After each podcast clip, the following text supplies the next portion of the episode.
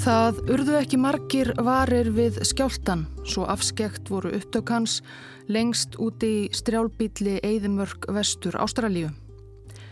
Bara örfáir vörbilstjórar fundu titringin, herðu drunur og sáu einhverja blossa á lofti, örfáum mínútum yfir 11 að kvöldi 28. mæ 1993.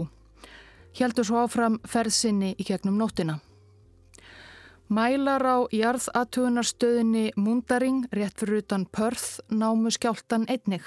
3,9 á ríkter skalanum sem þá var notaður upptök einhver staðar þarna lengst úti í eðimörkinni. Já, var þetta ekki bara jarðskjálti? Frásagnir af blossum á himni sem örfáir vörubilstjórar sáu þessa nótt vöktu ekki mikla aðtikli.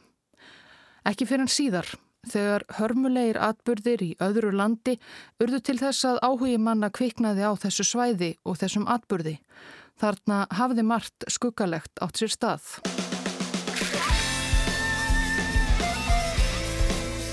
Það var eftir ósigur í þingkostningunum í Japan 1990 sem Shoko Asahara fór að verða uppteknari af heimsendi.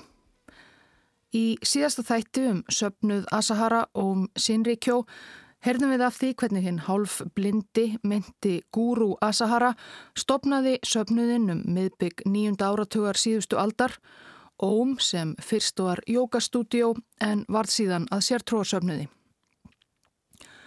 Óm fræðin voru tyrfin blanda af kenningum úr bútisma, hinduisma og kristinni trú á samt ýmsum öðrum fyrðum, spátómum Nostradamusar, heimsenda, hyggju og personudýrkun á Asahara sjálfum. Fylgjendur keftust við að kaupa badavatn og blóð meistara Asahara í vonum að upplifa ögn af þeim yfir náttúrulegu gáfum og heilagleika sem hann var sagður hafa. Þegar áleið varð talum yfirvofandi heimsenda fyrirferðar meira í tali Asahara. Ímsar ógnir stedjuðu að og að sjálfsögðu var boðskapur óm eina leiðin til að komast í gegnum yfirvofandi hörmungar. Í síðasta þætti var sagt frá útrás sapnaðarins til Rúslands. Þar urðu á ekki löngum tíma fylgjendur Asahara fleiri enn í Japan. En líklegast snýrist útrásinn í raun og veru sístum að breyða át fagnaðareirindi óm. Á meðan hundruð ungra rúsa gengu til liðs við óm í Rúslandi þauks í einbeittri auglisingaherferð áttu japanskir toppar sapnaðarins fundi með rúsnenskum vopnasölum og vísindamönnum. Óm liðar kiftu meðal annars teikningar af rúsnensku Kalasnikov-riflunum frægu svo hægt væri að smíða slík vopn heima í Japan. Það var ströng vopnalögjöf í Japan og hægara sagt en gert að verða sér úti um öflug skotvopn. Óm liðar síndu því líka áhuga að kaupa rúsnesk flugskeiti, sprengjur og annur hertól og rættu við ímsa vísindamenn á þessu sviði. Það var ekki ljóst neinum nema nánustur ágjöfum Asahara, alls ekki almenn vittneskja í söpnuðinum, en markmiðið var ekki lengur bara að Óm myndi verjast heimsendi, heldur að Óm kæmi heimsendanum í kring. Til þess þyrti róttekar aðgerðir og því töluðu útsendarar óm í Rúslandi við sérfræðinga í framúrstefnulegum leyservopnum og í gögnum sem fundust hjá aðalmanni óm í Rúslandi voru svo vangaveltur um hvort hægt væri að nálgast kjarnorkuvopn í Rúslandi og hvað slíkt myndi kosta.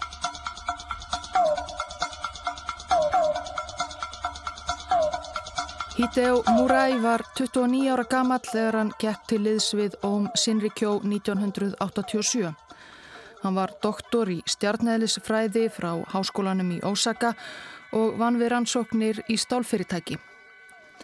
En hann hafði alltaf verið upptekinn af hennu yfirskilvillega og eftir fyrstu heimsókn í höfðustöðvar Óm Sinrikjó var þann svo sannfærður að hann sagði umsvefalaust upp starfi sínu og gerðist munkur. Eðlisfræðingurinn Múræ varð fljótt einn af nánustu ráðgjöfum Asahara og fekk umsjón með tækni og vísindastarfi safnaðarins innan Raða Óm var mikið af ungum raunvísindamönnum. Fyrst snerust störf þeirra helstum að þróa alls konar yfir náttúrulega tækni eins og fjarskinjunar hjálminn sem átti að gera fólki kleift að upplifa hugsanir Asahara og aðra álíka vitleysu. En Shoko Asahara hafi fengið áhuga á eitri þegar hann lagði á ráðin með einsta ringsínum um að myrða óstýriláta lögmannin Tsutsumi Sakamoto og fjölskyldu hans. Sérilagi á bótulín eitri. Bótulín er taugaeitur sem bakterían Clostridium bótulínum býr til en örlítið magn af því er nóg til að drepa meðal mannesku. Óm tókst ekki að verða sér úti um bótulín fyrir Sakamoto morðin en eftir kostninga ósigurinn 1990 fekk Asahara að nýju áhuga á efninu og skipaði Múræ og vísindamönnum hans að hefja framleiðslu. Aðal læknir Óm Shinichi Endo hafði unnið við rannsóknir á HVF-veirunni áður en hann gekk til liðs við söpnuðinn.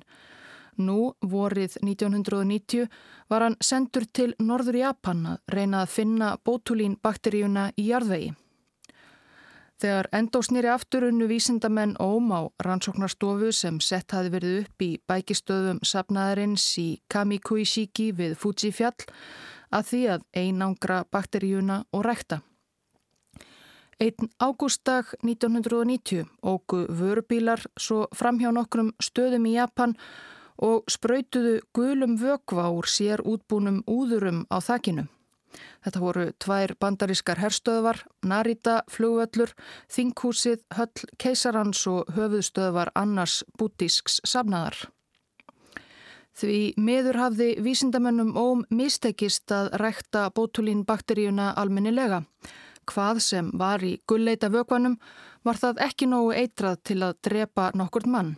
Engin veitti þessum gjörningi sérstaka aðtegli. Það liður tvö ár en síðla árs 1992 snýri einstir hingur óm sér aftur að vopna þróun af fullum krafti.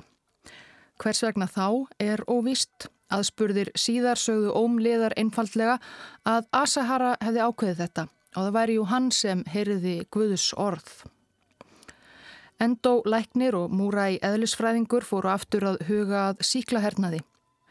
Í þetta sinn reyndu þeir að rækta annan síkil, þann sem veldur miltisbrandi.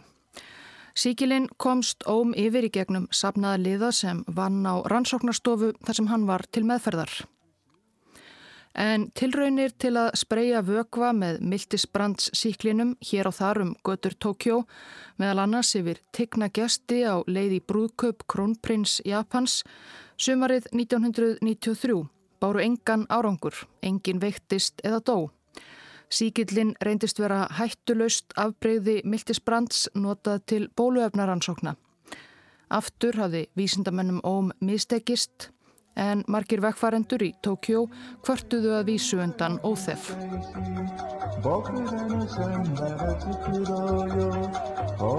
Óm Sinrikjó lagði mikla áherslu á minnlætalipnað. Munkar og nunnur Óm fengu fábreytilegan mat og lítið af honum.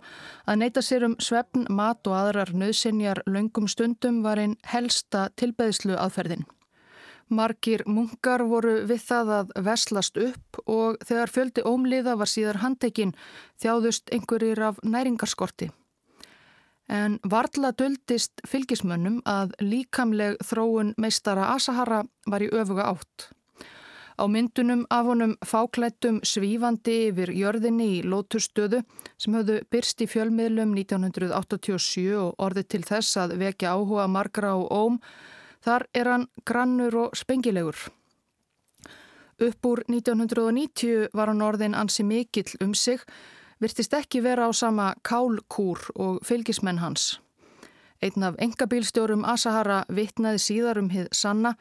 Hann kerði reglulega Asahara á veitingahús þar sem hann mátti fylgjast með honum graðka í sig hvern réttin á fætur öðrum. En þegar hann var spurður um það hvers vegna hann hefði fittnað svo mjög, saði hann að þetta væri lífsorka þeirra vesalinga sem óm hefði frelsað frá slæmu karma sem sé þeirra sem söpnuðurinn hafði komið fyrir Katarnef. Aprildag nokkur 1993 vakti hópur Japana aðtegli við tollafgreðsluna á flugöllunum í Perth, vestur Ástralíu. Japanirnir 25 voru nýlendir með óvennulegan farangur, marga kassa af ýmsum varningi, í þeim voru meðal annars gasgrímur og hlýfðarbúnaður, rafstöðvar, litlar skurðgröfur, annar tækjabúnaður og stórar glerflöskur fullar af saltsýru sem ástóð handsápa. Það væri erfitt að komast með slíkan farangur í flug í dag en þetta var 1993. Ástralski tollurinn sektaði Japanina og gerði aðeins lítinn hluta farangrinum upptækan. Japaninnir fengu svo að halda áfram leiðarsinnar út í eðimörkina. Japanirnir voru liðsmenn Óm Shinrikyo og söpnuðurinn hafi nýlega kift afskektan söðfjárbúkarð Banjavarn lengst út í vestur ástrálsku öðninni meira en 400.000 fermetra svæði um 800 kilometra norðvestur af Perth.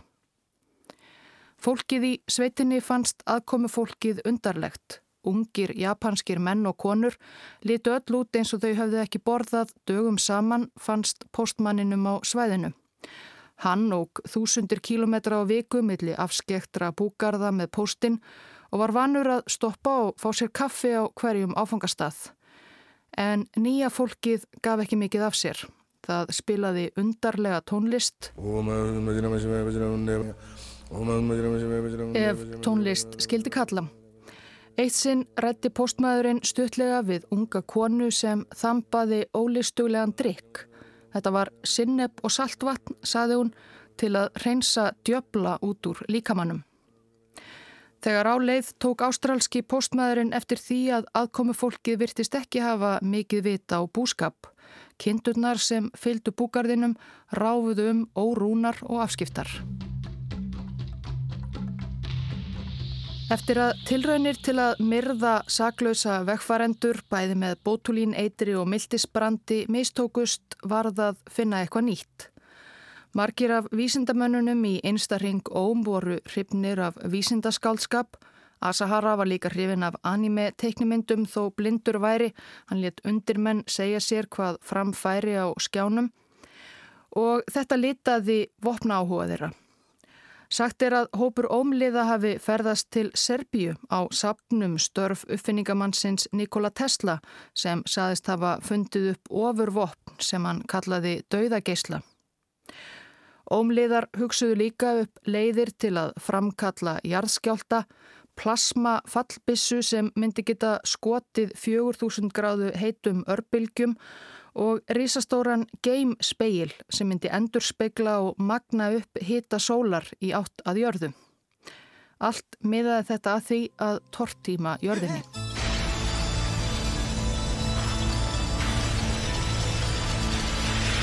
En að lokum var það eitthvað öllu einfaldara. Í mikilmennsku brjálaði sínu var Shoko Asahara áarðin aðdáandi ímissa harðstjóra sögunar.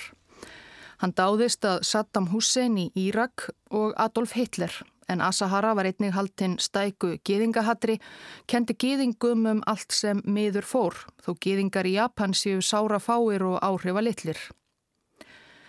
Og það var til þeirra sem hann sótti innblástur. 1938 uppgötuðu fjórir vísindamenn efnaversmiðu Ike Farben í Þýskalandi sem voru að reyna að framleiða skortýraeitur, fyrna stert taugaeitur sem draf ekki bara skortýr, efni sem þeir nefndu sarín.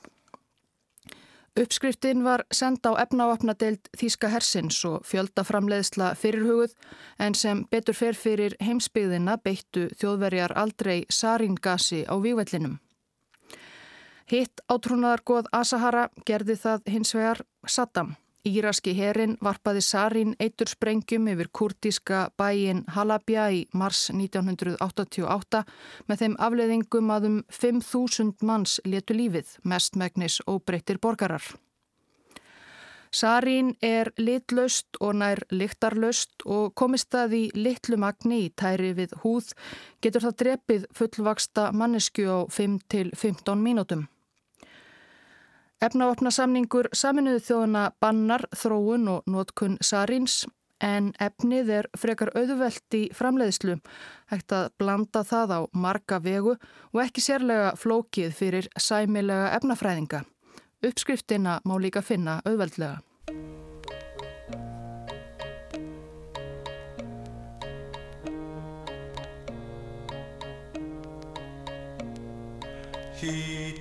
Masami Tsuchiya hafði byrjað að stunda jóka til að ná sér eftir slis. Þannig rataði þessi ungi efnafræðinemi inn í Óm Sinrikjó og varð fljótlega heldtekinn af sapnaðarstarfinu.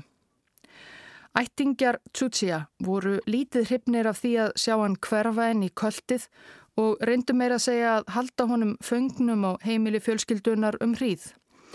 Vinur hans sem hafi sjálfur sagt skilið við óm við Ílan Leik reyndi að tala um fyrir honum dögum saman.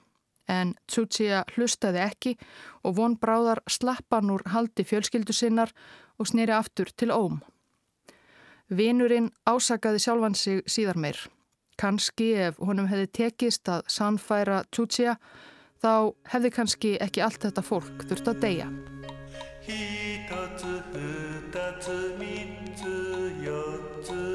Efnafræðingurinn Masami Tsuchiya fekk það verkefni að framleiða sarin fyrir næstu ótaðisverk óm. Lettverk. Fyrir var rannsóknarstofa í höfuðstöðum sapnaðarins í Kamikuishiki En þegar leið á árið 1993 réðust ómliðar í smíði enn einnar byggingar á yfiráðasvæði sínu fullkominnar efnaversmiðu sem nefnd var Satyam eða Sannleikur 7. Auk eitur efna var hún hugsuð til framleiðslu á LSD og öðrum ofskinnjunarlifjum sem ómliðar höfðum skeið bæði selt til glæpasamtaka og notaði eigin helgiatöfnum. Það hafði andað köldu millir óm og annara íbúa í sveitaþorpinu Kamikuishiki frá því söpnuðurinn kom sér þar fyrir fyrst í lok nýjunda áratugar. Sapnaðarbörnin voru sífælt að byggja og leggja undir sig stærra svæði við þorpið, spiluðu skrítnar möndrur úr stórum hátölurum sent á kvöldin og ráfuðu um þorpið mörg saman í kvítum kuplum með skrítna hjálma. Þetta er nýtt hof, sögðu sapnaðar menn Þorpsbúum um stóra bygginguna sem byrjaði var að byggja 93. En svo fóru Þorpsbúar að taka eftir ímsu undarlegu, skrítnum óþef sem lagði yfir bæjarfélagið, eitthvað eins og brent plast, svo hættu kýrtnar á svæðinu að mjölka.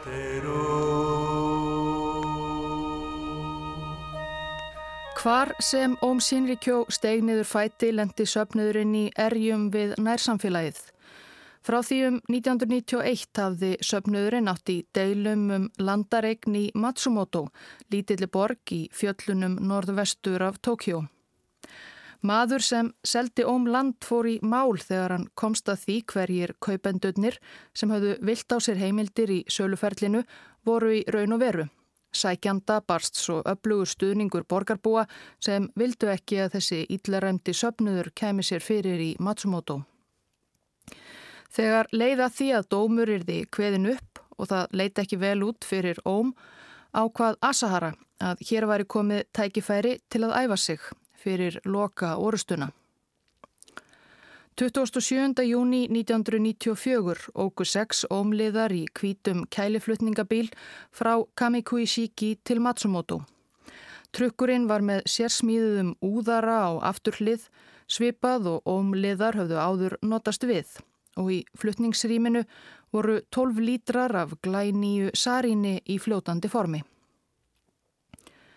Planið var að leggja bílnum fyrir utan dómshúsið í miðborg Matsumoto og spröyta eitrinu á fólk sem ætti leið í eða úr dómsal.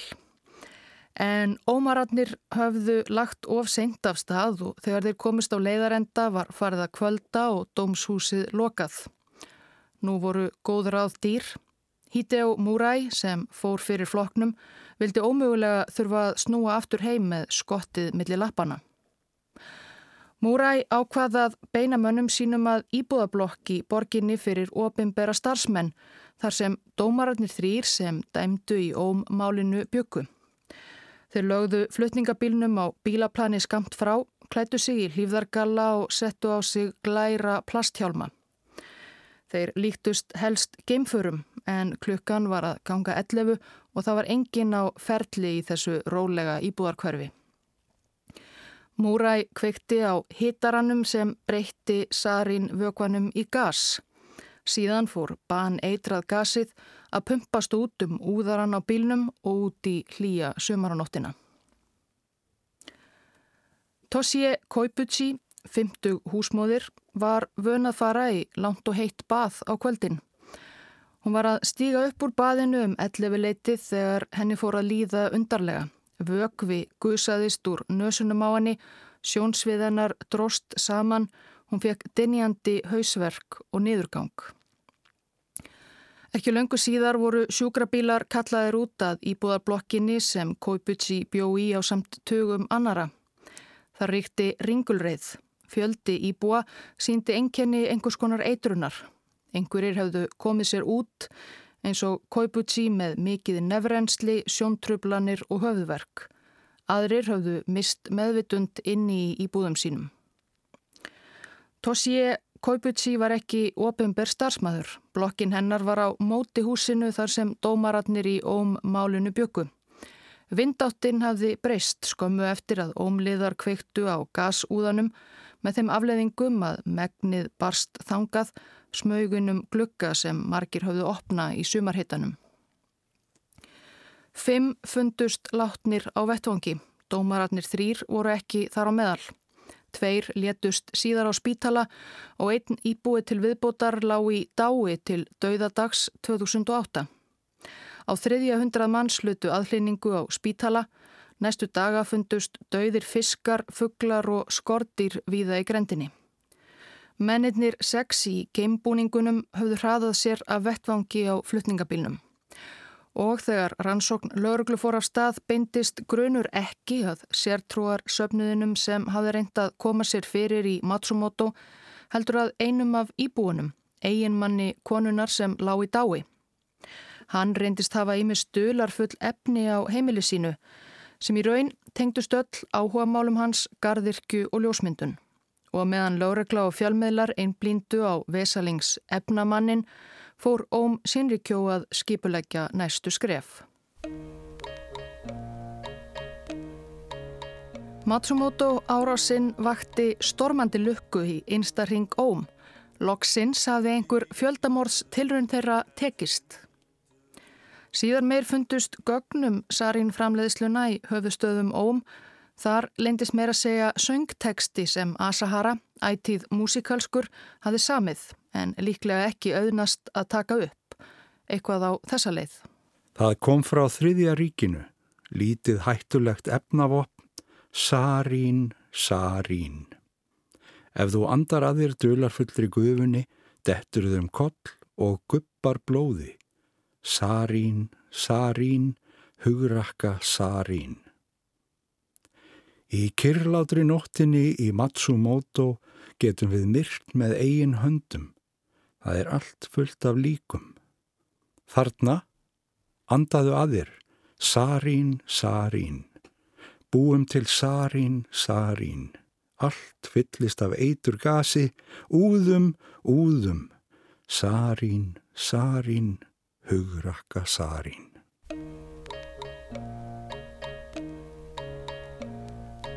En þó sarínið reyndist svona ljómandi vel gekk stóra efnaversmiðjan Satyam 7 illa. Það var sífælt að leka gas út og margir sapnaði menn veiktust. Asahara notaði það reyndar sem sönnun þess að veist væri að söfniðinum, séja, gýðingar, frímúrarar, eitthvað. Allt bendi þetta til þess að endalokkin væru nærri, sagði hann. Íbúar í Kamikuisiki kölluðu til lögreglu vegna óþefsins við höfðustöðvar sapnaðarins í júli 94. Lögregla tók síni úr jarðveginum í kring sem reyndist innihalda sarín. En ekkert gerðist meir og engar fréttir um þetta byrtust í fjölmiðlum fyrir ný janúar árið eftir.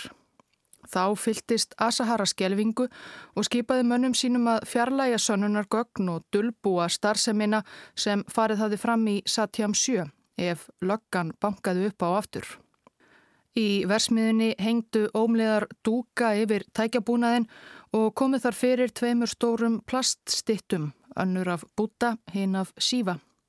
Almennum samlaðamönnum var sagt að byggingin Satyam 7 væri nú helgasta hof óm.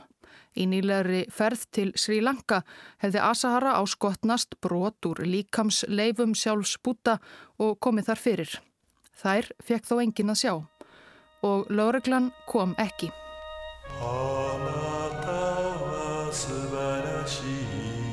Mörg ár voru síðan Óm hafði komið háværum gaggrínanda, lögmanninum Tsutsumi Sakamoto fyrir Katarnef. En söpnuðurinn átti sér fleiri anstæðinga. Ættingjar sapnaðar barna börðust margir fyrir því að endurheimta ástvinni sína úr klóm Asahara.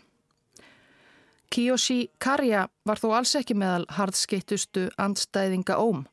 Hann var 68 ára lögbókandi með skrifstofu í lítilli byggingu sem yngri sýstir hans átti í Sínagawa hverfi Tókjó.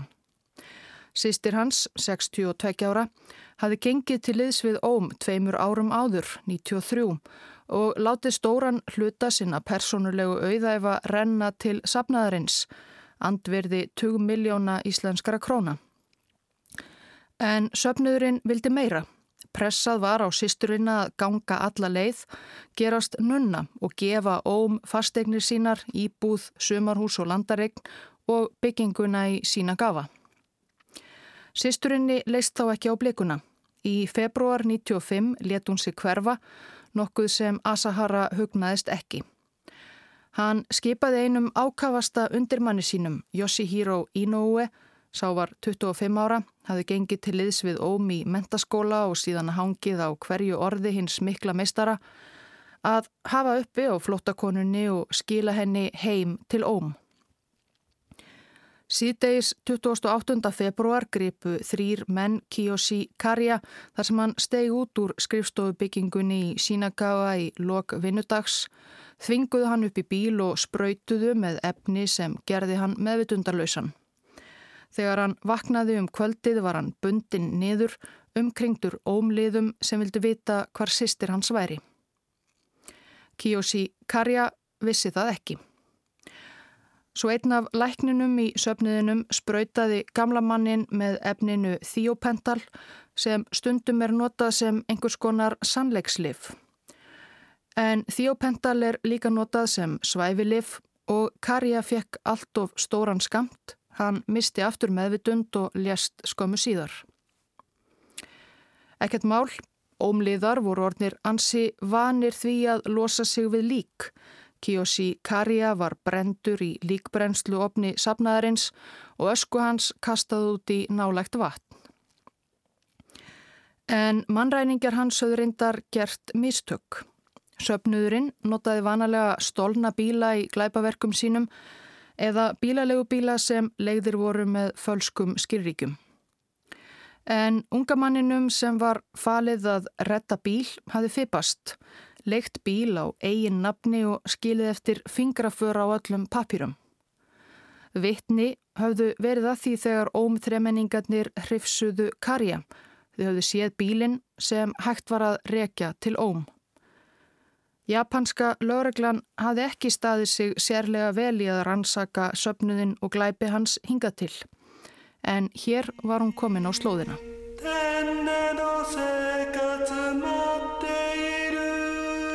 Asahara átti sér stóra drauma. Söpnuðinum hafði ekki tekist að þróa dauðageisla, plasma, fallbissu eða tortimingar game speil vissulega en Sarinið lofaði góðu. Í Kamikuishiki stóð þyrla og beigð, herrþyrla sem Óm hafi fengið í Rúslandi og einn sapnaðarmadur hafi verið sendur í þyrluflugnám til bandaríkjana. Hugsunin var að hann myndi svo fljúa þyrlunni yfir Tókjó og úða saringasi yfir borgina. En í mars 1995 fekk Asahara veður af því að lögregla væri að undirbúa áhlaup á bækistöðvar sapnaðarins. Ástæðan var að laurugla fekk hlýfðarbúninga vegna mögulegra eiturefna á svæðinu að láni frá japanska hernum og Óm var með innanbúðarmann þar sem létt vita. Nú var engin tími til stefnu þyrlu áætlunin varð að víkja fyrir öðru, heimsendir varð að koma strax.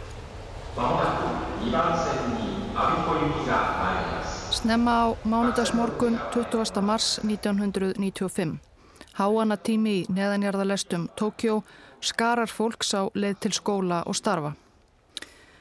Í örsinni þennan morgunin voru fimm karlmenn úr einsta ring óm Sinrikjó. Allir voru þeir með reglívar og tvo bögla vafða í dagbladapapir. Í hverjum bögli var plastpoki með tæpum lítra af saríni í fljótandi formi. Mennirnir dreifðu sér um lestarkerfið. Iko Hayashi fórum borði lest á tíótalínunni við Sendagi 748. Þremur stöðum síðar við Shin Ochanomisu letan böglana svo lítið bara á, á gólfið og gerði gött á umbúðirnar með reklívarottinum. Hayashi fór frá borði en eitrið fór að leka á gólf lestarvaksins. Um borði sama vagnni var Kiyoka Izumi 26 ára starfsmæður flugfélags sem við heyrðum af í byrjun fyrir þáttar. Hún fann nýstandi sársauka í lungum og fór að hosta eins og aðrir um borð.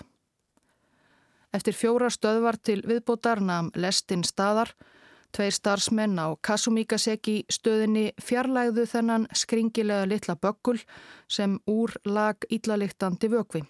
Báðir þeirra letu svo lífið. Kenichi Hirose tók Marunouchi línuna til vesturs. Við stöðina Ochanomisu muldraði hann möndru með sjálfum sér, let böklana á gólfið og stakka á þá gatt. Fjórtán stöðum síðar nam lestin lokk staðar, tveir farþegar í vagninum voru þá þúnt haldnir. Sumio Nishimura, starfsmæður á stöðinni, var kallaður um borð. Ég fór inn í þriðja vagnin og sá mann á sjötugsaldri liggja á gólfinu. Á móti honum hafði kona um fymtugt lekið niður úr sæti sínu. Þau voru másandi og blóðug fróða spítist úr munninum á þeim. Maðurinn virtist fyrst vera meðendundarlaus. Hugsun skaut niður í kollin á mér. Þetta er tvöfalt ástarsjálfsmóð. En það var það auðvitað ekki. Bara eitthvað sem ég hugsaði. Maðurinn lést síðan. Nishimura tók pókana sem lágu á gólfi vaksins og fjarlæði. Ekki leið á löngu þar til hann sjálfur var orðin veikur. Lestin hjælt svo áfram að enda línunar en með sarín sull á vagngólfinu og enn fleiri farþegar veiktust. 7.39 fór Masato Yokoyama um borði fymta vagnin á Marunouchi línunni til austurs með hárkollu og gerfiglerugu. Við fjórðustöðina Jotsuya stakkan í sína bögla og fór frá borði. Honum gekk ítla, götin voru lítil og eitrið lag hægt út, lestin helt áfram försinni og böglarnir uppgötuðust ekki fyrir en klukkustund og 40 mínútum síðar. Engin let lífið á Marunouchi línunni til austurs en meira en 200 slösuðust. Tóru Toyota fórum borði í Hibia línuna til norðausturs frá Nakameguro 759. Hann tók sér stöðu nálægt dýrunum á lestarvagninum, stakk fljótlega gata á sína sarínbögla og fór af á næstu stöð. Á þar næstu stöð voru farþegar í vagninum farnir að veikjast, hósta, kúast og missa meðvitund. Yasuo Hayashi fórum borði í Hibia línuna til austurs við UNO 743. Meistari Asahara hafði Hayashi sem hafi verið í ómi átta ár grunaðan um að vilja segja skilið við söpnuðin. Svo til að sanna tryggð sína var Hayashi með þrjá póka þennan mánudagsmorgun, alsum 1,5 kíló af sarínvökva. Eftir tvær stöðvar við Akihabara stakk Hayashi gött á böglana og fór út. Hann gerði fleiri gött á sína sarínpoka en nokkur annar. Strax við næstu stöð, Kotemacho, var farþögum farða líða ítla. Engur tók eftir böglinum á gólfinu og vögvanum sem lag út og sparkaði honum út úr vagninum og yfir á bröytarpallin. Lestin helt áfram fjóra stöðvar. Við Tsukiji ítti einhver loks á neyðarbjöllu og lestinn namn staðar. Fimm farþegar hrundun er meðvitundarlausir út á brautarpallin þegar dyr vagnsins opnuðust.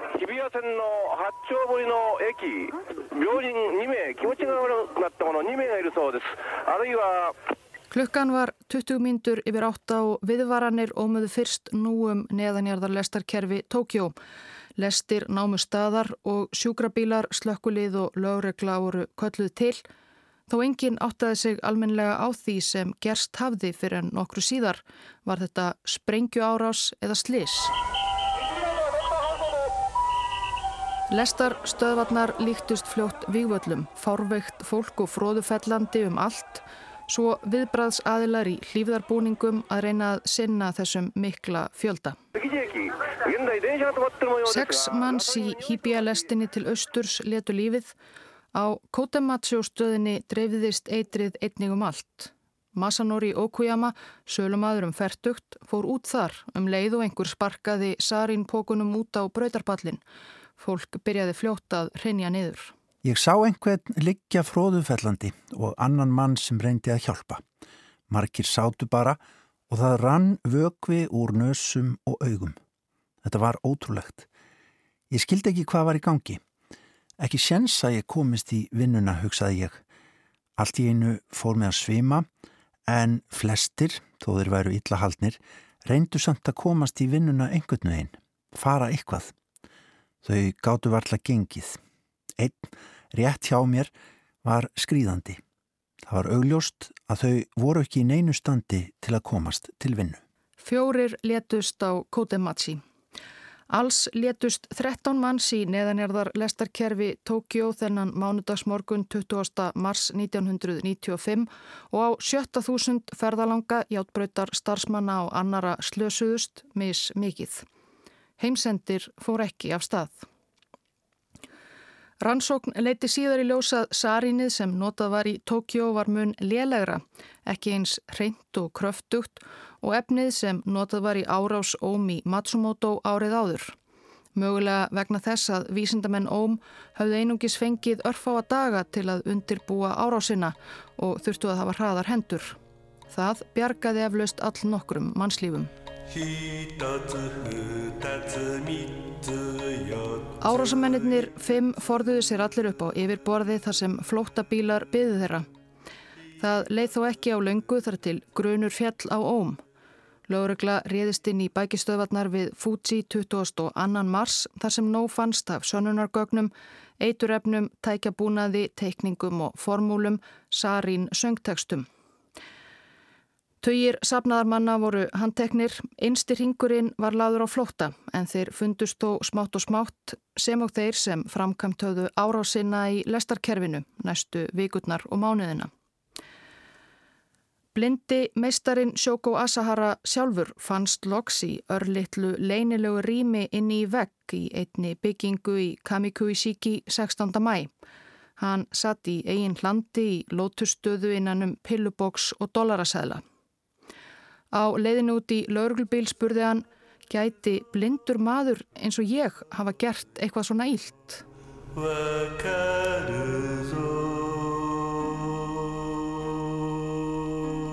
Eftir að uppkomstum Sarín árásina í Tókjó rannsakaði ástrálska laureglan landareikn Óm í vestanverðri Ástrálíu söðfjórbúgarðin Bandjavarn. Japanetnir voru þá farnir en þeir höfðu skilið eftir mikið af grunnsamlegum efnum og tækjabúnaði. Búgarðin virðast þeir aðalega hafa notað í tilraunastarsemi og mögulega til að leitað úrangríti. Kjarnavopn voru ju eitt af draumum óm. Engverjir revjuðu svo upp fregnir af jarðskjáltanum og blossanum þarna í afskektri eðimörkinni í mæ 93. Hvað var það í raun? Kanski einhvers konar tilraun hafði óm verið að koma sér upp geriðingarvopnum. Það er alls kostar óvíst og alls ekki allir sannfærðir um eitthvað slikt. Eitt fundu ástralir þó í Banjavarn heilu hrúurnar af dauðu söðfjö. Það var ekki bara vanræksla, fjöð í Banjavarn hafði orðið fyrstu fornarlömp Sarín tilrauna óm Shinrikjó. Eftir laungréttarhöld var Shoko Asahara dæmtur til dauða á samt 12 fylgismönnum sínum. Hann var fundin segur um 23 morð alls. Hann sagði ekki mikið í dómsal, muldraði möndrur. Einhverjir efuðust um geðhilsu hans, Aðrir sögðu hann gera sér upp geðveiki. Fleiri sapnaðar börn voru dæmt í lífstíðarfangelsi eða fengu langa dóma fyrir markvíslega glæpi. Asahara og lærisveinar hans voru loks teknir af lífi í júli 2018 og Sinrikjó tók upp nýtt nafn, Alef, og er enn starfandi.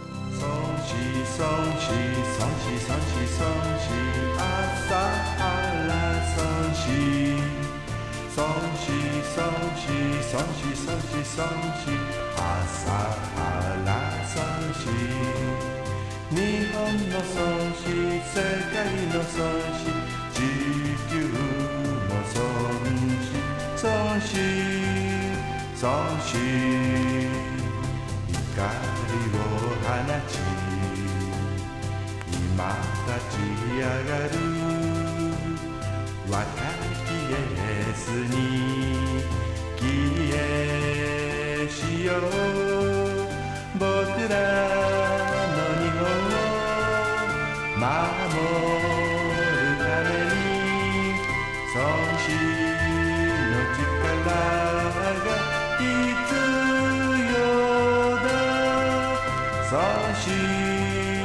そし朝花そしそしそしそしそしそし朝花そしそしそしそしそしそし朝花そし過去のブッ現代のブッ未来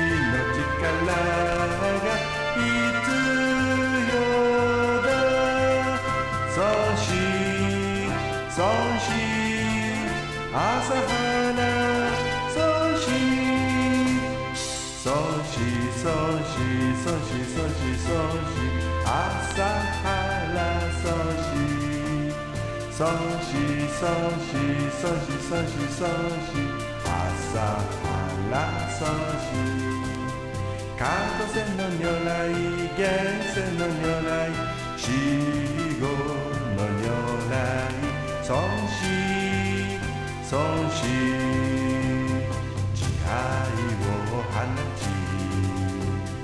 今立ち上がる。マイトレアの。